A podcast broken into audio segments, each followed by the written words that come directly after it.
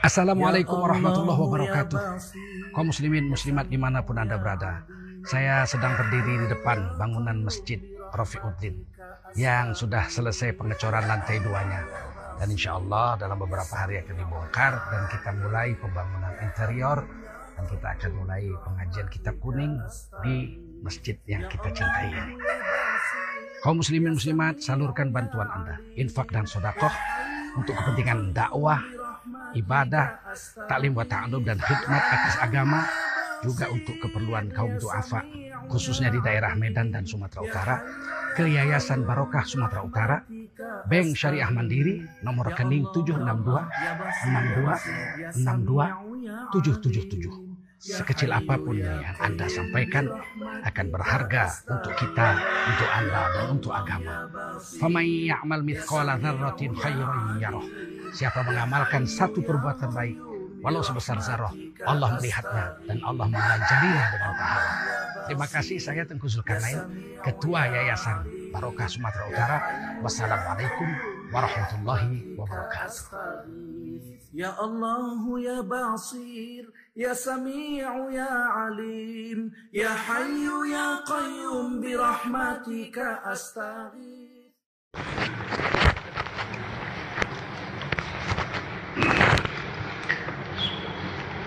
السلام عليكم ورحمة الله وبركاته.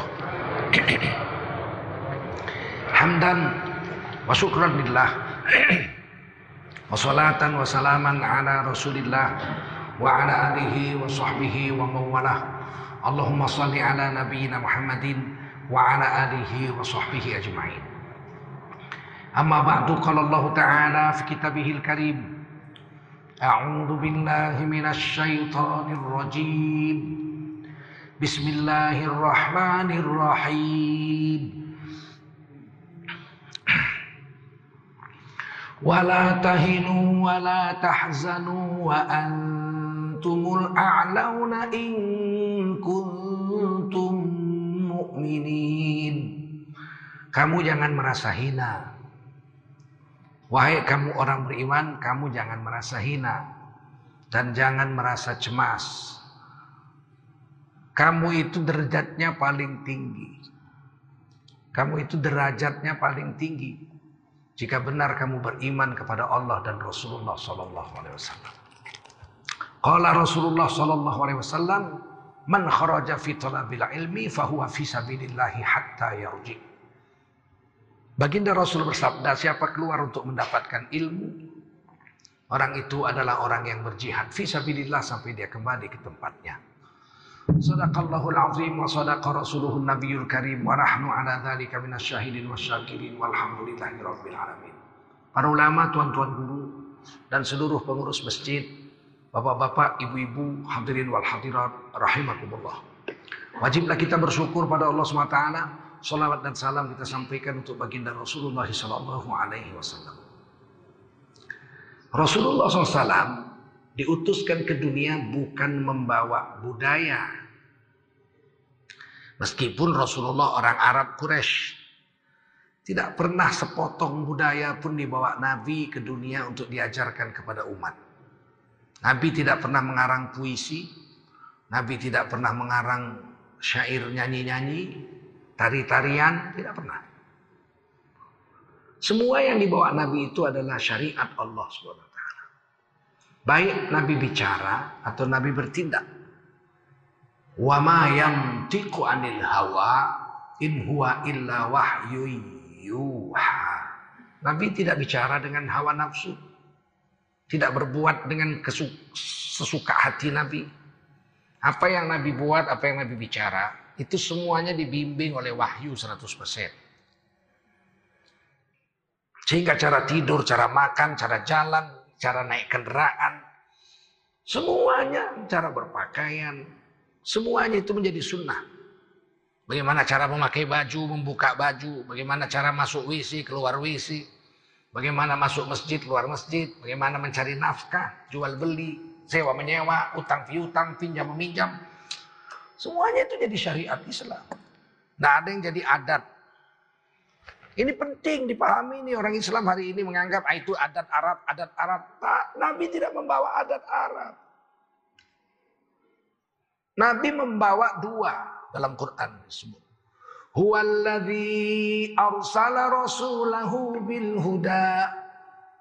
Dialah Allah yang telah mengutuskan Rasulnya Nabi Muhammad SAW bil huda membawa hidayah, membawa petunjuk. Petunjuk hidup, mau makan begini caranya, mau minum begini caranya, apa yang harus dimakan ini, yang tak boleh dimakan itu, apa yang boleh diminum ini, yang tak boleh diminum itu. Pakai baju minimal yang ditutup apa? Bukan sembarang-sembarangan aja. Bagaimana cara tidur? Bagaimana bangun tidur? Bagaimana naik kendaraan? Bagaimana turun dari kendaraan? Sampai bagaimana cara sholat, bagaimana cara puasa, bagaimana cara haji, bagaimana cara mati, dan bagaimana cara setelah mati.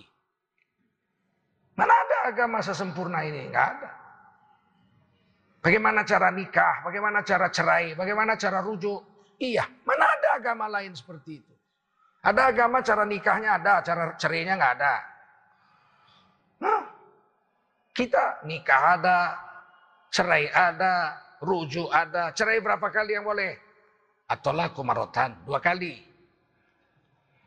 Kalau udah dua kali cerai, cerai yang ketiga nggak boleh balik lagi. Kecuali dia udah nikah sama orang, diceraikan orang, ah, baru. Ini kan aturan yang dibawa Nabi. Petunjuk hidup. Yang disebut hidayah. Jadi Nabi itu diutus pertama bukan bawa budaya, tapi bawa hidayah. Huwallazi arsala rasulahu bil huda. Dialah Allah yang telah mengutuskan seorang rasulnya itu Nabi Muhammad SAW bil huda membawa petunjuk hidup, membawa hidayah. Wadinil haq dan membawa agama yang paling betul. Jangan ragu-ragu bilang Islam adalah agama yang paling betul. Jangan ragu-ragu. Jangan keluar dari mulut kita agama itu sama saja. Murtad dari Islam nanti. Orang Allah bilang agama Islam agama yang paling betul kok kita bilang semua agama sama saja.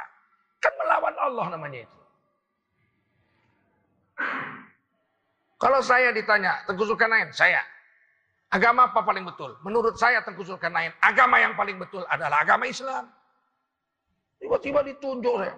Anda telah menghina agama saya. Kapan? Kapan saya menghina agamamu? Anda bilang agama yang paling betul agama Anda? Betul, menurut saya agama yang paling betul agama saya, agama Islam. Kalau begitu agama saya salah. Agamamu mana ada urusanku, lakum dinukum waliyadin. Ini kita hari ini bikin bimbang ini pikiran PKI, PKI banyak betul hari ini. Kalau saya katakan agama saya yang paling betul, bukan berarti agama orang salah. Menurut saya nggak ada urusan dengan agama orang. Satu hari saya sedang ulang tahun perkawinan, misal. Istri saya bikin mie rebus gaya Medan. Panggil kawan-kawan satu RT makan di rumah saya. Ada apa ini Pak Ustadz? Oh makan, makan malam aja, makan. Oh enak nih mie rebus Medan. Ya enak, istri saya masak. Habis itu ada apa rupanya Ustadz ini? Wah ini hari ulang tahun perkawinan kami. Masya Allah. Terus kawan-kawan nanya, menurut Ustadz siapa wanita paling cantik sedunia? Menurut saya wanita yang paling cantik sedunia istri saya. Tiba-tiba besok demo satu RT. Anda telah menghina istri kami. Anda telah menghina istri kami. Kapan saya menghina istri kalian? Bapak bilang tadi malam yang paling cantik di dunia adalah istri bapak. Betul menurut saya iya. Kalau begitu istri kami jelek semua. Istrimu kau urus sendiri kok kau tanya sama aku. Paham? Ini yang kita hari ini dirusak nih pemahaman kita tentang agama kita. Kalau orang tanya sama saya, Tengku Zulkarnain, agama yang paling betul agama apa? Agama saya, agama Islam paling betul. Bagaimana menurut Anda agama saya, agama Kristen? Agamamu kau tanya sama pendetamu, jangan kau tanya sama aku. Lakum dinukum waliyadin. Begitu. Ini sesuai dengan apa yang dibilang. Jangan pernah bilang semua agama sama saja. Bahaya iman kita nanti. Allah utuskan Nabi Muhammad untuk membawa petunjuk hidup, hidayah, dan agama yang paling betul. Wadinil haq. Untuk apa Allah kirimkan Nabi Muhammad dua ini? Petunjuk hidup dan agama yang paling betul. Liudhirahu ala dini kulli.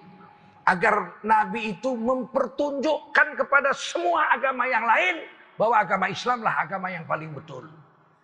Dizohirkan liyuzhirahu ala dini kullihi. Agar ditunjukkan sama agama yang lain ada berapa agama di dunia ini bahwa Islamlah agama yang paling unggul. Walau karihal musyrikun, walau penyembah banyak Tuhan benci kepadamu nggak senang, nggak ada urusan sama kita. Sampai sini paham? Paham? Kita itu harus bangga dengan agama kita. Yang hari ini kita disuruh malu beragama Islam. Di mana-mana dibilang Islam ini jahat, teroris, radikal, pemecah belah, penebar kebencian. Waktu adinda saya, Ustadz Abdul Somad, itu adik saya sejak tamat SMP, eh, sejak tamat SD kami sudah kenal. Beliau sekolah di Medan dengan bapak angkat saya, Pak Hashim. Jadi begini ceritanya. Ditanya di LC itu, bagaimana nanti kalau Indonesia akan berubah menjadi Suriah? Hancur-hancuran, bunuh-bunuhan. Ini memang ditanamkan supaya orang Islam itu tak berani menunjukkan Islamnya. Kalau saya, saya jawab, mustahil Indonesia menjadi Suriah atau Irak sampai hari kiamat. Gak bisa. Suriah hancur begitu karena ada bermain orang asing. Rusia main di situ dengan Amerika. Penguasanya Syiah Nusairiyah, orang Syiah, hanya 20 persenan. Rakyatnya madhab syafi'i, ahli sunnah wal jamaah 80 persen. Penguasanya nggak pernah turun-turun, dia aja. Memang pemilu, tapi pemilunya ya namanya tipu-tipu lah. Masa dari bapaknya, Hafiz al-Assad, Sampai Bashar al-Assad seumur hidup jadi presiden terus nggak ada orang lain yang lebih bagus dari dia. Nggak bosan-bosan jadi presiden. Habis nanti Bashar nanti mungkin cucunya pula lagi. Sehingga rakyatnya nggak senang. Dikasih senjata sama Amerika, mainkan. Karena banyak dibunuh-bunuh, ya main. Pemerintahnya terdesak hampir orang cuma 20 persen. Kalah kalau perang. Datang Rusia, dihajar, hancurlah negeri itu. Kalau Indonesia tidak mungkin. Nggak ada Amerika sini main, nggak ada di sini Rusia main sini. Cina pun belum. Baru baru merampok kekayaan alam saja. Belum ngasih senjata. Kalau kita mau perang pakai apa? Senjata cuma ada di tangan TNI. Polri lah sekarang. Kita. Orang Sumatera mau perang sama orang Jawa. Nembaknya pakai ludah. Begitu.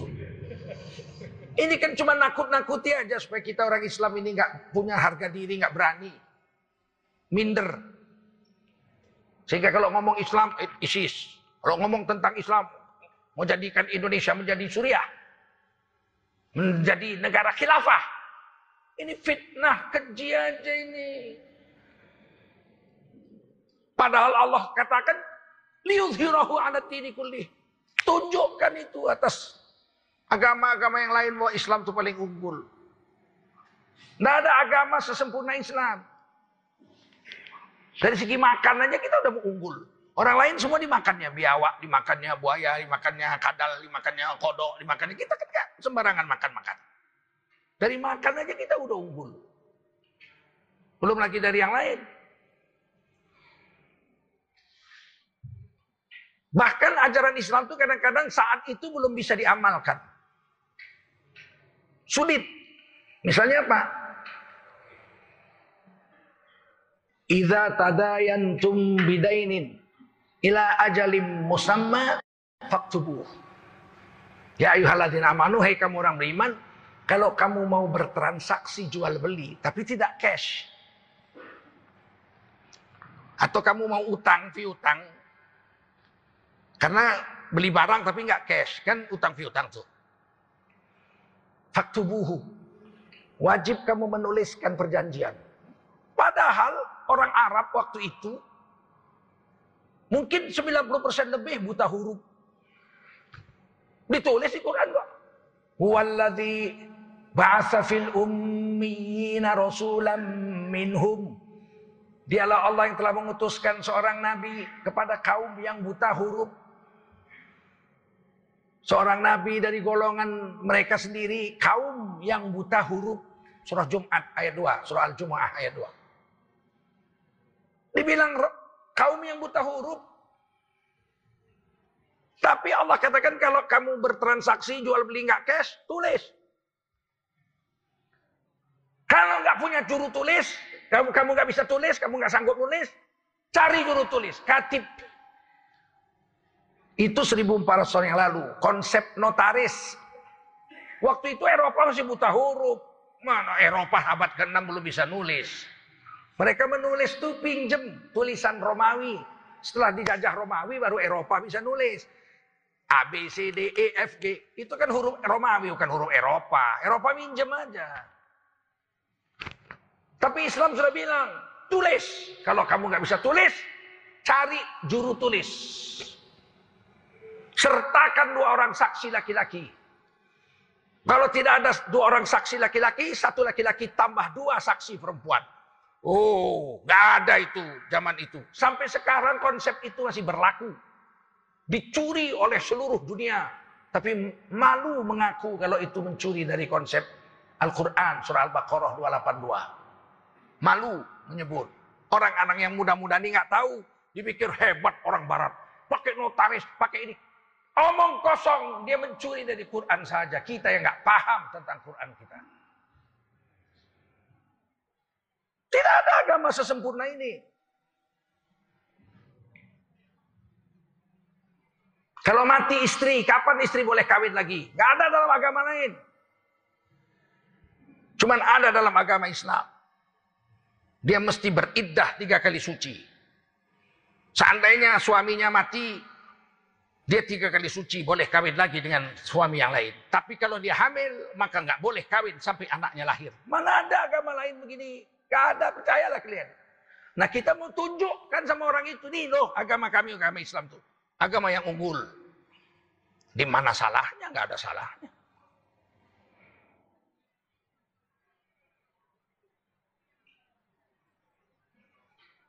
Kemudian apa yang perlu kita? Selain kita hidupkan agama ini dengan diri kita, kita tunjuk sama orang nih, kami orang Islam. Ayo makan yuk, apa ini? Babi. Kami orang Islam nggak makan babi. Ayo minum yuk, apa ini? Whisky. Kami orang Islam tidak minum whisky. Kami orang Islam kalau makan yang halal dan soyiban. Halal lagi baik. Dan disuruh Nabi kami makan duduk. Sekarang kita orang Islam menghancurkan agama sendiri. Pesta di hotel. Bintang 4. Biayanya 100 juta lebih. Diundang 1000 orang. Oh, makan berdiri. Gak ada kursi. Ngapain ratusan juta bayar kursi aja gak ada. Ah, kita ini lain Pak, ini gaya Prancis, makan berdiri. Itu gaya lembu. Yang makan berdiri lembu. Jawi itu orang awak, enak.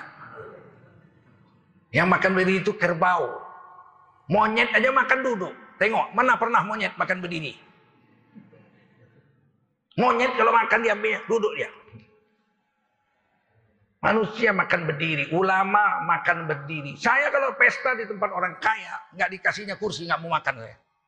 Yang Pak Ustadz makan, nggak lapar aku datang. Aku datang sini karena kau undang, bukan karena lapar mau makan. Bagaimana Pak mau makan berdiri? Nggak ada Islam mengajarkan begitu. Tapi yang bikin orang Islam hari ini bangga gaya Prancis. Kenapa nggak kita bikin gaya Rasulullah duduk? Oh repot. Bikin satu talam tujuh orang. Nah, murah. Seratus orang cuman perlu tujuh puluh. Kalau kalau seratus orang perlu berapa cuman? Nah, sepuluh talam tujuh puluh. Tiga belas talam selesai. Ini undangan seratus. Ah, kasih satu talam tujuh orang. Satu talam tujuh orang. Udah nyucinya pun gampang bersih. Dah. Jijik gitu makan setalam Tangan ini kan suci, udah dicuci tangan orang Islam, betul nggak? Ada orang Islam cebok pakai tangan kanan, semua tangan kiri, makan pakai tangan kanan. Kan diajar Rasul makan tangan kanan, cebok tangan kiri, awak makan satu talam, bersih. Jijik semua orang Islam. Sementara di warung-warung itu makan pakai sendok, sendok itu udah masuk ke mulut si Aliong, si Galingging. Nggak jijik kau makan pakai sendok. Hari ini kita rusak, rusak, betul nih pemikiran orang Islam hari ini. Bagaimana mengembalikan kita bangga dengan agama kita? menghidupkan sunnah Rasulullah Sallallahu Alaihi Wasallam.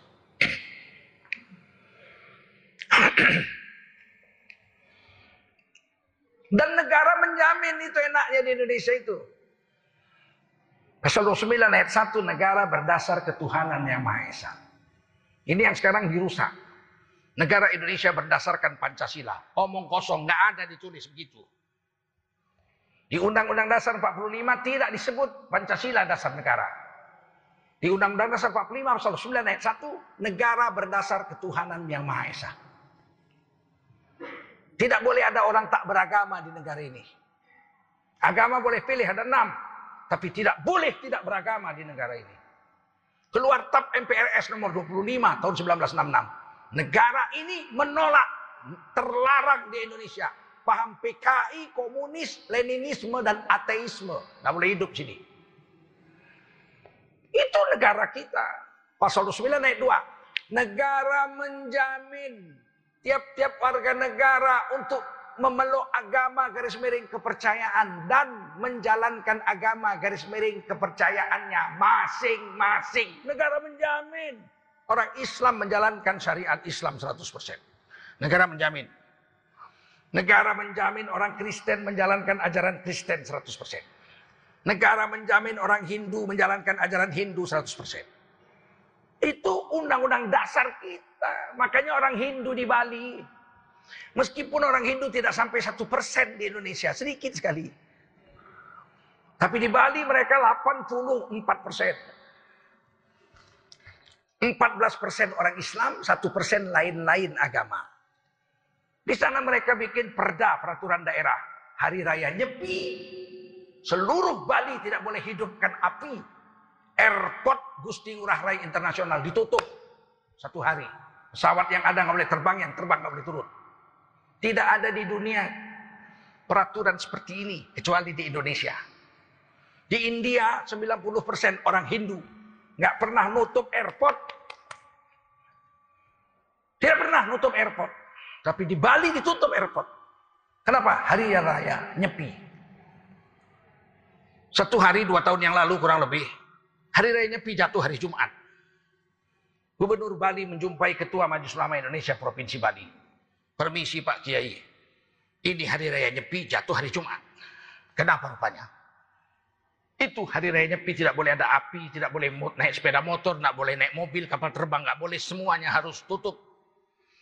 Ya kami tetap sholat Jumat.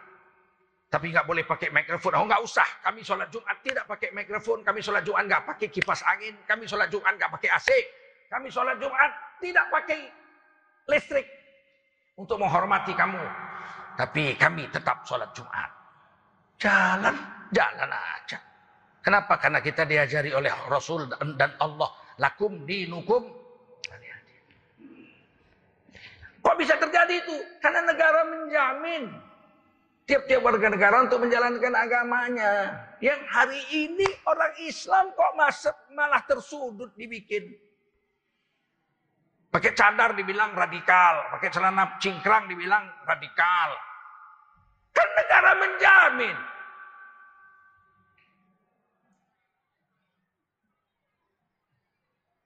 Ini yang kita hari ini heran, ada apa dengan negara ini enam tahun ini? Saya pakai jubah nggak ada masalah jadi dosen saya. Walaupun sekarang dibilangnya dosen palsu. Lantak kau situ. Mana urusan aku? Oh dosen palsu. Murid saya banyak diusu kok saya pensiun. Sudah sekarang saya pensiun saya kok. Buktikanlah mana ijazahmu. Tunjukkan. Pernah Bapak lihat orang menunjukkan ijazah? Pernah? Ada. Semua orang ijazahnya disimpan. Betul? Melamar kerja aja nih, perlu aku udah pensiun ngapain perlu aku tunjuk-tunjuk. Ada orang menunjuk-nunjukkan ijazahnya orang gila itu. Eh, Pak, saya mau ceramah nih ijazah saya ini. Itu orang gila itu. Disuruh pula jadi orang gila. Ngapain aku jadi orang gila? Aku orang bukan orang gila, aku orang waras aku kok. Sekarang ini kita mau dibikin begitu supaya sibuk, sibuk, sibuk, sibuk, nggak sempat bicara yang benar. Sibuk hal-hal hal-hal yang tidak ada manfaat sama sekali. Ngapain dilayani seperti itu? Paham kira-kira Pak? Negara ini menjamin untuk menjalankan agama yang hari ini digoyang. Keluarlah RUU HIP. Rancangan undang-undang haluan ideologi Pancasila yang sudah kita pelajari oleh Majelis Ulama Indonesia. Isinya itu pidato Sekretaris Jenderal Majelis Ulama Indonesia, Dr. Haji Anwar Abbas. Isinya itu sekuleristik dan berbau ateistik. Mau memisahkan agama dari negara. Itu namanya sekuler. Dan berbau ateistik. Menafikan Tuhan.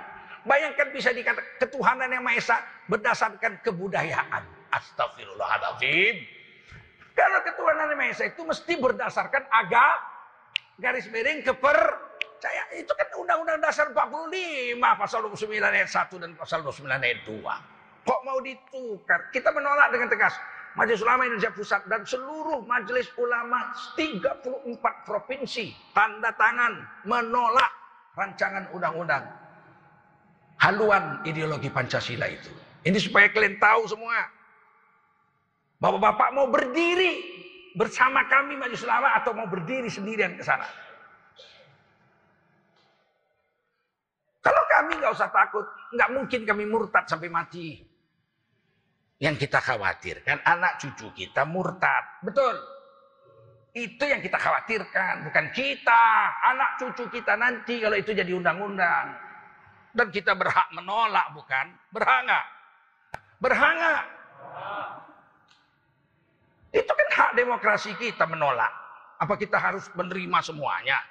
Kalau gitu nggak usah namanya demokrasi, bilang aja negara Korea Utara komunis, diktator. Kalau kita nggak boleh ngomong, kan kita boleh ngomong, kan belum jadi undang-undang. Udah jadi undang-undang aja kita masih bisa protes ke Mahkamah Konstitusi supaya undang-undangnya dicabut. Betul? Ini penting saya beritahu. Yang kedua yang ingin saya sampaikan. Pertama itu ya yakin bahwa Islam itu tidak budaya. Islam itu adalah syari. syariat. Yang kedua yakinlah agama Islam agama terbaik. Banggalah dengan Islam. Hiduplah cara Islam. Mati cara Islam. Sudah mati cara Islam. Makan, minum, tidur, sholat, zikir, puasa. Memang pokok-pokoknya kita bersatu. Tapi ranting-rantingnya kita boleh berbeda dalam agama. Sholat aja berbeda ada 200 perbedaan dalam sholat. 200 perbedaan pada ranting-ranting sholat. Kalau pokoknya sama, sholat subuh dua rakaat sama semua. Tapi ranting-rantingnya Allahu Akbar tangannya di sini antara dada dengan pusat madhab Syafi'i dengan madhab Hambali. Allahu Akbar tangannya di sini madhab Maliki. Allahu Akbar tangannya di bawah pusat madhab Hanafi. Semuanya pakai hadis soheh. Hadis, hadis semua. Hasan soheh, hadis soheh. Ada baca doa istiftahnya Allah Akbar kabiro. Ada yang bacanya Allahumma ba'id baini wa baina. Ya terserah aja ada sepuluh bacaan doa istiftah. Berbeda-beda kita. Ada yang tangannya begini. Ashadu an la ilaha illallah. Sekali aja. Isyarat saja 20 hadisnya. Ada yang begini. At-tahiyatul mubarakatuh salawatu. Yuharrik menggerak-gerakkannya. Hadisnya soheh dari Wa'il bin Hujrin. Hadis riwayat Abu Dawud. Jangan kita tangkap lah. Hup. Biar aja dia begitu. Kenapa rupanya? Asal jangan begini-begini. At-tahiyatul mubarakatuh. Ah itu tak ada hadisnya itu. Biasa saja kita berbeda kok. Perbedaan itu rahmat. Ada yang bilang, kalau perbedaan rahmat berarti bersatu itu adalah laknat. Oh, tidak mesti semua bisa di konotasikan seperti itu. Haji aja tiga perbedaan. Haji. Ada haji ifrat, haji, ada haji tamatu, ada haji kiran. Haji aja tiga perbedaan. Baca Quran ada tujuh. Tujuh kiraat. Tujuh-tujuhnya sah di bawah sholat. Semua hadisnya soheh sanatnya sampai ke Rasul. Wasyamsi wa duhaha wal qamari idza talaha wan nahari idza jallaha. Kiraat hafaz kita pakai di Indonesia. Di Libya, di Maroko, mazhabnya beda. Qurannya dibaca dengan kiraat warash. Wasyamsi wa duhiha wal qamari idza taliha wan nahari idza jalliha wal laili idza yaghshiha was samaa'i wa ma baniha wal ardi wa ma tuhiha beda nggak ada masalah pada pokok-pokoknya kita bersatu. Sholat maghrib tiga rakaat, sholat subuh dua rakaat. Iya, tapi pada furuk-furuknya kita berbeda dan itu diterima. Paham? Jangan kita berpecah belah. Tapi giliran kita harus bersatu, kita bersatu. Jangan menggunting dalam lipatan, menikam dari belakang. Yang paling sedih saya adalah masalah keekonomian. Saya sudah keliling dakwah 33 negara. Saya sudah ke Jepang, sudah ke Korea, sudah ke Taiwan, sudah ke Hong Kong, sudah ke Cina, sudah ke Afrika, sudah ke Eropa, sudah Amerika, Kanada. Ada ke keanehan di negeri ini. Kalau kita ke Jepang, di sana ada konglomerat orang yang punya kekayaan triliunan duitnya. Yang punya Toyota, yang punya Suzuki, yang punya Kawasaki, yang punya pabrik Yamaha. Itu orang kaya. Konglomerat. Tapi dipastikan konglomerat di Jepang adalah orang Jepang asli. Di India ada konglomerat. Tapi dipastikan konglomerat di India adalah orang India asli. Di Korea ada yang punya pabrik LG, punya pabrik Samsung. Itu orang kaya raya triliunan duitnya. Tapi dipastikan Orang kaya di Korea adalah orang Korea asli. Di Eropa ada orang kaya yang punya pabrik Rolls yang punya pabrik Mercedes, orang kaya. Tapi pasti orang kaya di Eropa adalah orang Eropa asli. Di Amerika ada Chevrolet, Ford, kaya-kaya. Yang punya Caltex, kaya-kaya. Tapi dipastikan orang konglomerat di Amerika adalah orang Amerika asli. Begitu juga di Cina. Yang aneh Indonesia. 120 juta orang Jawa di Indonesia. Tapi kalau kita pergi ke Jawa, konglomeratnya bukan Wagimin, Legiman, Wakijo, Paiman, bukan. Iya. Lu orang tidak tahu. Iya. Hmm, di Pekanbaru ini 90% orang Minang dengan orang Melayu. Tapi konglomeratnya bukan orang Minang, bukan orang Melayu. Iya, mesti ala salah lu. Mesti ala salah. Terkucurkan lain penebar kebencian. Bukan. Saya mau kita konsekuen dengan Pancasila. Berkeadilan sosial bagi seluruh rakyat Indonesia. Masuk yang banyak dapat sedikit, yang sedikit dapat banyak. Itu namanya oligarki namanya itu. Apartheid, penjajahan. Dari yang kecil menjajah yang besar. Orang Islam itu miskin karena pemalas. Kepala tok kau. Jam 2 malam dia sudah pergi ke pasar mau jualan kangkung. Betul. Pagi belum sarapan dia udah pergi ke rawa-rawa ambil kangkung. Dari umur 8 tahun jualan kangkung sampai umur 88 tahun jualan kangkung. Matinya pun tertimpa keranjang kangkung. Kau bilang pemalas. Ketidakadilan. Kalau kita mau pinjam modal susahnya bukan main.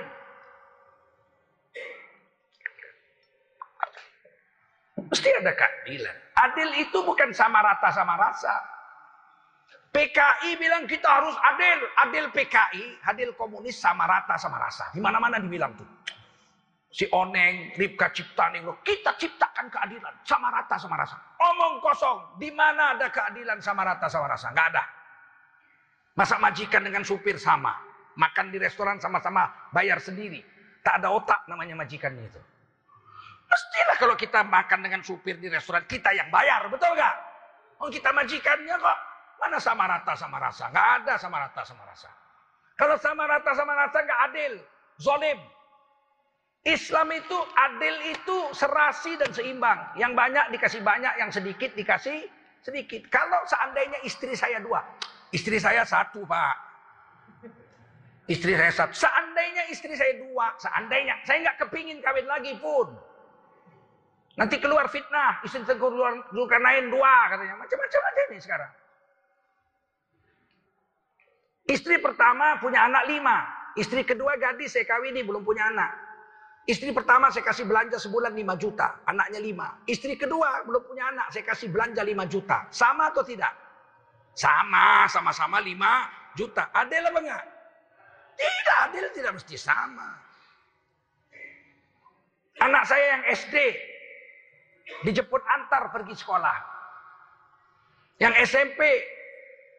Naik angkot. Naik bus.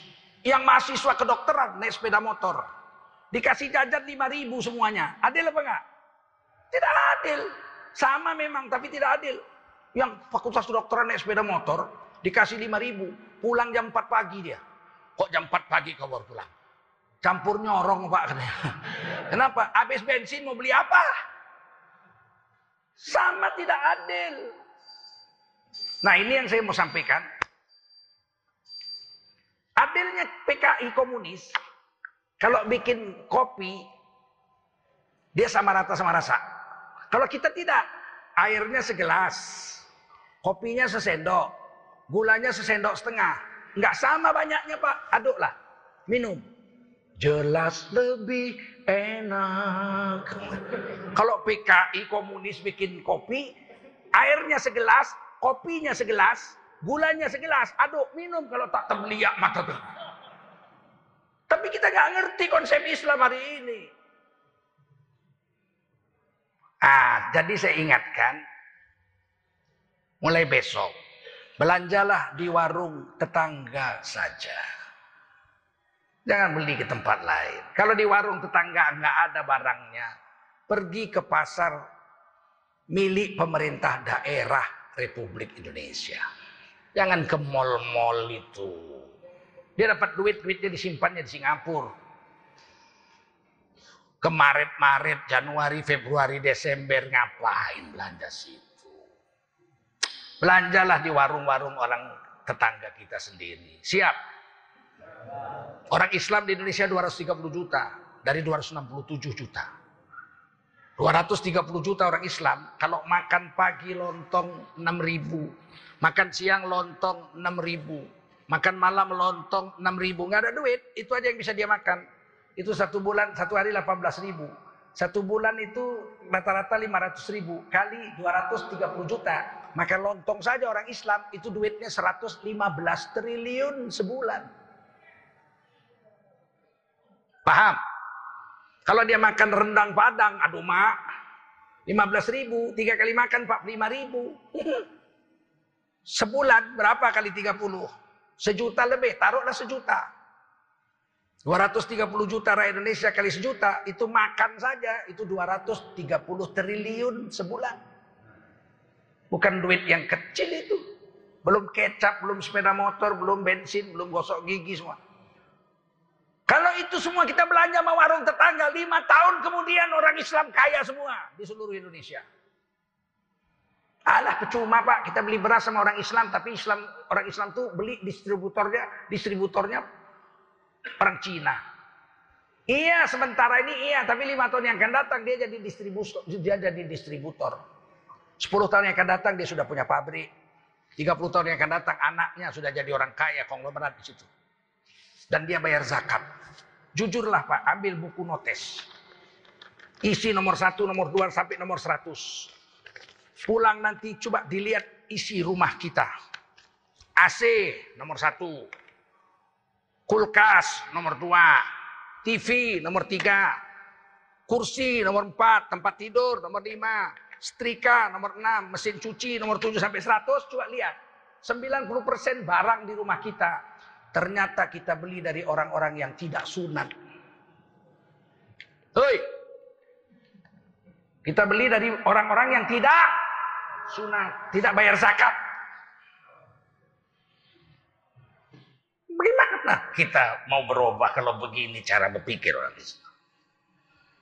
Bukan haram belanja sama Cina, bukan haram belanja sama orang kafir. Tapi kalau ada sama orang awak, kenapa sama orang lain? Kalau ada pisang awak, buat apa pisang lilin? Kalau ada orang awak, untuk apa orang lain? Tapi sini aja.